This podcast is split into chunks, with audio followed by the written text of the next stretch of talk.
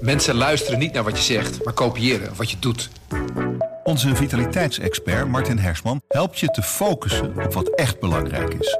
Beluister en bekijk Martin of een van onze andere experts op businesswise.nl.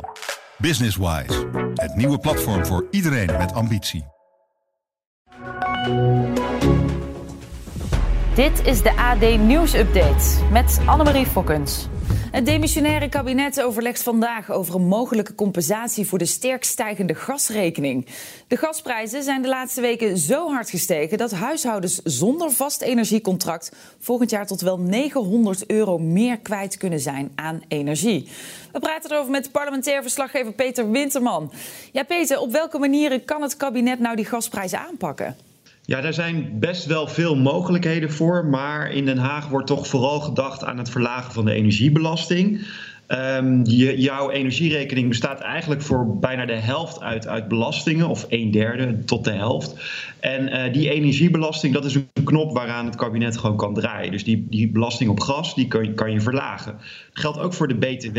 De BTW op energie is 21 procent, net als op heel veel andere spullen in Nederland. Uh, ja, die BTW, daar wordt over gesproken vandaag dat die misschien voor een half jaar of voor een jaar uh, wordt verlaagd, misschien zelfs op nul wordt gezet, zodat ook uh, iedereen dat gelijk merkt op zijn gasrekening, dat die toch een stuk lager gaat zijn. Althans, uh, niet lager dan nu, maar dat die, die stijging ja, minder hard binnenkomt, zeg ja, maar. Dat hij dat hem opvangt, inderdaad. Um, wat betekent dat nou als die, die belasting op energie nou zeg maar compleet verlaagd wordt? Wat, wat gaan we daarvan merken? Nou ja, uh, daar zitten ook nadelen aan. Want het klinkt als een makkelijke oplossing. Maar uh, het probleem is een beetje, ja, je kunt het ook een voordeel noemen, maar het probleem uh, volgens politici, een deel van de politici, is dat die verlaging voor iedereen gaat gelden. Hè. Je kan niet de energiebelasting voor alleen maar mensen in een slecht geïsoleerd huis verlagen. Die geldt voor iedereen. Ja. Dus ook bijvoorbeeld rijke Nederlanders die bijvoorbeeld een tuin in een zwembad hebben en die dat op dit moment warm houden met veel gas, die hebben dus ook voordeel van het verlagen van die energiebelasting. En dat vinden uh, sommige politici toch wel jammer. Die hebben dus liever dat vooral de arme mensen, die dus een variabel energiecontract hebben en in een slecht geïsoleerd huurhuis wonen bijvoorbeeld, waar ze zelf niks aan kunnen doen, dat juist die mensen, dat die worden ge, uh, gecompenseerd. En dus niet alle Nederlanders, ook de Nederlanders met een vast energiecontract, uh, die eigenlijk helemaal geen last hebben van die, uh, van die gasstijgingen op dit moment. Nee, en het zwembad in de tuin wordt dan een soort van uh, goedkoop verwarmd. Maar dan kom je eigenlijk automatisch op die inkomensafhankelijke energietoeslag. Is dat dan nog een optie? Nou nee, eigenlijk niet. Ik heb gisteren ook uh, ja, bronnen gesproken hier in Den Haag. En eigenlijk uh, zijn ze het erover eens dat dat op dit moment uh, niet gaat gebeuren. Um, want ja, we hebben zelf die toeslagenaffaire net achter ons. Hè, en eigenlijk loopt die nog volop met allerlei gedupeerde ouders die nog geld moeten krijgen terug moeten krijgen. Ja, het is gewoon heel moeilijk om dat uh, allemaal op te tuigen um, uh, bij de Belastingdienst en in een korte tijd ook. Hè. Er is, uh, de gasprijs is op dit moment heel hoog. En op 1 januari worden veel variabele contracten aangepast. En dan gaan mensen dus een hele hoge energierekening krijgen. Ja, dat is al heel snel. En het, er is dus eigenlijk geen tijd om een heel nieuw toeslagensysteem op te tuigen. En uh, plus dat daar ook slechte ervaringen mee zijn. Ook de Belastingdienst heeft het al heel druk met andere dingen. Dan zou dit erbij komen. Mm-hmm. Dus dat gaat toch waarschijnlijk niet gebeuren. Waar wel aan wordt gedacht, is dat je bij gemeenten, dat gemeenten bijvoorbeeld extra geld krijgen dat zij kijken naar de mensen in hun gemeente. Uh, wie hebben het nu heel zwaar door die stijgende energierekening? En dat zij dan toch een extra steuntje in de rug kunnen krijgen. En dat dat dus aan gemeentes uh, wordt uitbesteed, zeg maar. Dat die bepalen welke mensen misschien wat extra geld krijgen en welke niet. Oké. Wanneer ligt er een concreet plan op tafel? Ja, goede vraag. Dat moet wel snel, hè? want uh, haast is geboden. De gasprijs is nu hard aan het stijgen. Vanochtend, eigenlijk over een half uurtje om negen uur, komen uh, premier Rutte en vijf ministers bij elkaar uh, in Den Haag om hierover te praten. Ze zullen vrij snel alweer naar buiten komen, misschien al 10 uur, 11 uur. Dan horen we al meer van wat de plannen gaan zijn in grote lijnen. En van, waarschijnlijk hebben we dan nog een paar dagen nodig voor de details, voor de uitwerking. Uh, hoeveel geld er precies waar naartoe gaat. Dus hè, die verlaging van de energiebelasting, dus waarschijnlijk in ieder geval. Misschien ook andere dingen. En dan eind deze week moet dat toch wel helemaal duidelijk zijn uh, ja, wat er gaat gebeuren. We gaan het afwachten. Dankjewel, Peter Winterman, voor je toelichting. Zoomen of Google Meeten vanuit de auto is in coronatijd eigenlijk best wel normaal geworden. Interpolis maakt zich zorgen over deze nieuwe manier van werken. De verzekeraar vreest dat ongelukken oprukken als er geen goede afspraken komen. Joost van Buchem is woordvoerder bij Interpolis. Ja, Joost, jullie hebben een onderzoek gedaan hè, naar online vergaderen in de auto. Hoeveel mensen doen dit nou eigenlijk?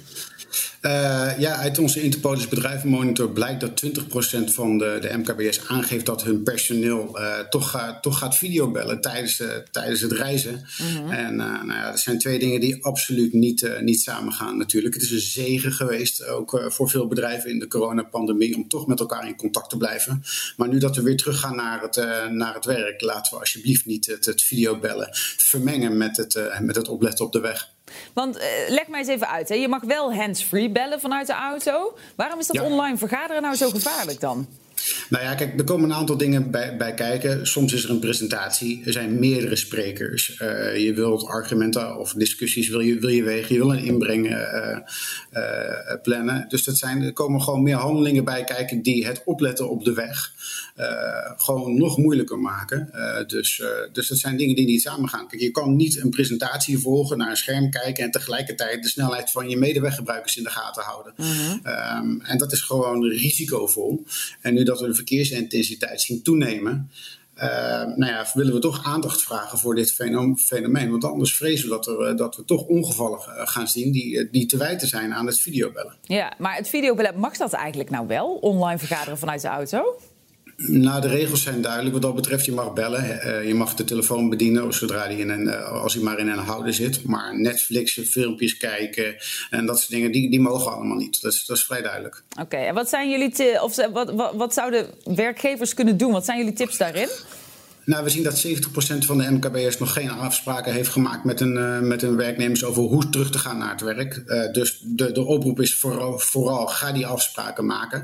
Ga ook afspraken met elkaar maken over wanneer je wel en wanneer je niet in, inbelt. Nou ja, tijdens het reizen lijkt me evident dat je dat, dat, je dat niet gaat doen. Um, en, en als je dan toch per se die video, videoconference moet doen uh, terwijl je aan het reizen bent, zoek dan alsjeblieft een parkeerplek op. maar ga niet dit, dit tegelijkertijd doen. Doe het jezelf niet aan en doe het je medewerker, medeweggebruikers niet aan. Helder, dankjewel Joost van Buchem van Interpolis. De Italiaanse staalfabriek Taranto werd in de jaren 60 opgericht om de economie te bevorderen. Maar ondertussen is het uitgegroeid tot een grote milieuvervuiler. Inwoners van de Italiaanse stad hebben daardoor te maken met ernstige gezondheidsklachten. We praten erover met Angelo van Schijk. Hij is onze correspondent vanuit uh, Rome. Ja, Angelo, je hebt een aantal inwoners gesproken. Hè? Hoe ernstig is het gesteld met hun gezondheid? Ja, dat hangt een beetje af van waar je bent in de stad. Hè? Uh, als je in Taranto bent, dan zie je dat er overal zie je die fabriek staan. De, de, de enorme schoorstenen torenen boven de stad uit. Um, en om de 10 minuten braakt die fabriek ook gewoon stoom uit. En dat is geen gewone stoom, dat is vieze stoom. Dus er zitten allerlei ja, uh, spullen in. Er zitten, er zitten uh, fijnstoffen in, er zitten giftige stoffen in. En uh, ja, met alle gevolgen van dien. Nou, in de wijk Tamburi, is in het noorden van de stad, daar is de vervuiling het grootst. En die ligt letterlijk tegen de fabriek aan. Tussen de fabriek en de noordelijke huizen, de meest noordelijke huizen, zit denk ik 100 meter aan, uh, aan hemelsbreedte, hemelsbreedte afstand. En daar zie je ook overal, en daar is de vervuiling het groot, daar zie je ook overal die enorme silo's staan. 700 meter lang, 75 meter hoog. En in die silo's, daar ligt ijzererts opgeslagen. Nou, in, in, in die, in, tot voor kort een jaar geleden ongeveer was het ijzererts gewoon in de open lucht opgeslagen. Dat blies dan die wijk in, waardoor de hele wijk rood kleurde. Uh, en met alle gevolgen van dien. Kinderen mochten niet naar buiten. En het, uit onderzoek blijkt dat kinderen in die wijk gemiddeld een IQ hebben dat 10 punten lager ligt uh, dan in de rest van de stad of in de rest van Italië. En dat is het gevolg van die, van die, van die vervuiling, van die enorme ja, vieze fabriek die er staat. Ja. Ja, wij herkennen dit verhaal natuurlijk. Want het is een beetje een soortgelijk verhaal als dat van Tata Steel hier in Nederland. Hoe veranderde mm. nou het imago van die fabriek uh, bij jullie van banenmotor tot milieuvervuiler? Nou, dat veranderde vooral toen men in de gaten kreeg dat er steeds meer mensen ziek werden. Hè. In die fabriek ligt het aantal uh, kankergevallen 500% hoger dan het Italiaans gemiddelde. Um, en ja, het besef dat die fabriek meer, meer uh, ellende opleverde dan, dan, dan dat het economie opleverde Nou, die hield ook een beetje gelijke tred met de afname van de economische waarde van de fabriek. In de jaren 80, uh, op het hoogtepunt, uh, waren er zo'n 40.000 gezinnen in Taranto afhankelijk van die fabriek. Nou, op een bevolking van 200.000 mensen is dat natuurlijk heel erg veel. Maar inmiddels is dat teruggelopen naar zo'n 15.000 uh, 15 gezinnen.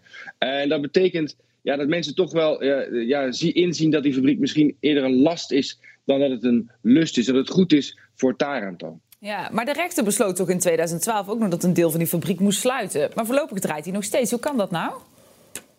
Nou, hij draait niet uh, volledig. Hè. Uh, de fabriek is in principe in staat om 12 miljoen ton staal te produceren per jaar. Daarmee is het een van de grootste uh, staalfabrieken van Europa. Nou, de rechter heeft in 2012 besloten dat de grootste oven, oven 5, dicht moest. En nu, uh, uh, nu maakt de fabriek ongeveer 4,5 miljoen ton staal per jaar. Um, de eigenaren, de toenmalige eigenaren van de fabriek, kregen ook een, uh, een gevangenisstraf opgelegd tot ruim 20 jaar. vanwege het veroorzaken van een milieuramp. En um, nu draait dus de fabriek wel op minder, minder grote kracht, op halve kracht. Maar uh, ja, de milieuproblemen blijven. Die zijn, nog, die zijn wel minder geworden door die sluiting, maar zijn nog lang niet voorbij. Wat gaat er gebeuren? Goeie vraag. uh, in uh, eind 2020 is de Italiaanse overheid erin gestapt. die is nu voor 38% eigenaar van de fabriek. En er zijn plannen om de fabriek te vergroenen. Uh, dat betekent dat uh, in plaats van steenkool, waar nu mee gewerkt wordt, de fabriek zou moeten gaan draaien op uh, gas of zelfs waterstof. Maar eerlijk gezegd moet ik dat nog wel even zien hoor, want dat is duur, daar, daar is een enorme investering voor nodig. En dat betekent ook dat de prijs voor de staal die uit die fabriek komt omhoog gaat. En ja, de markt wil eigenlijk maar één ding en dat is goedkope staal. En hoe maak je goedkope staal? Met steenkool. En dus is het maar, maar de vraag of die investeringen er zullen zijn en of die fabriek uh, ja, schoner zal worden en het dus Taranto van deze enorme milieulast zal bevrijden. Oké, okay, dankjewel Angelo van Schuik vanuit Rome.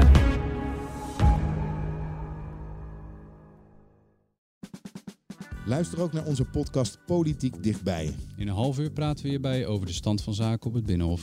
En niet alleen vanuit de wandelgangen in Den Haag, maar ook vanuit een regionaal perspectief. We zijn te vinden in onze app, op Apple Podcast en op Spotify. En wie zijn wij dan? Wij zijn Leonard Beekman en Tobias den Hartog. Een goede spreker herken je aan de Q&A aan het eind. Onze lifehack-expert Martijn Aslander geeft je adviezen waar je echt wat aan hebt. Beluister en bekijk Martijn of een van onze andere experts op businesswise.nl. Businesswise, het nieuwe platform voor iedereen met ambitie.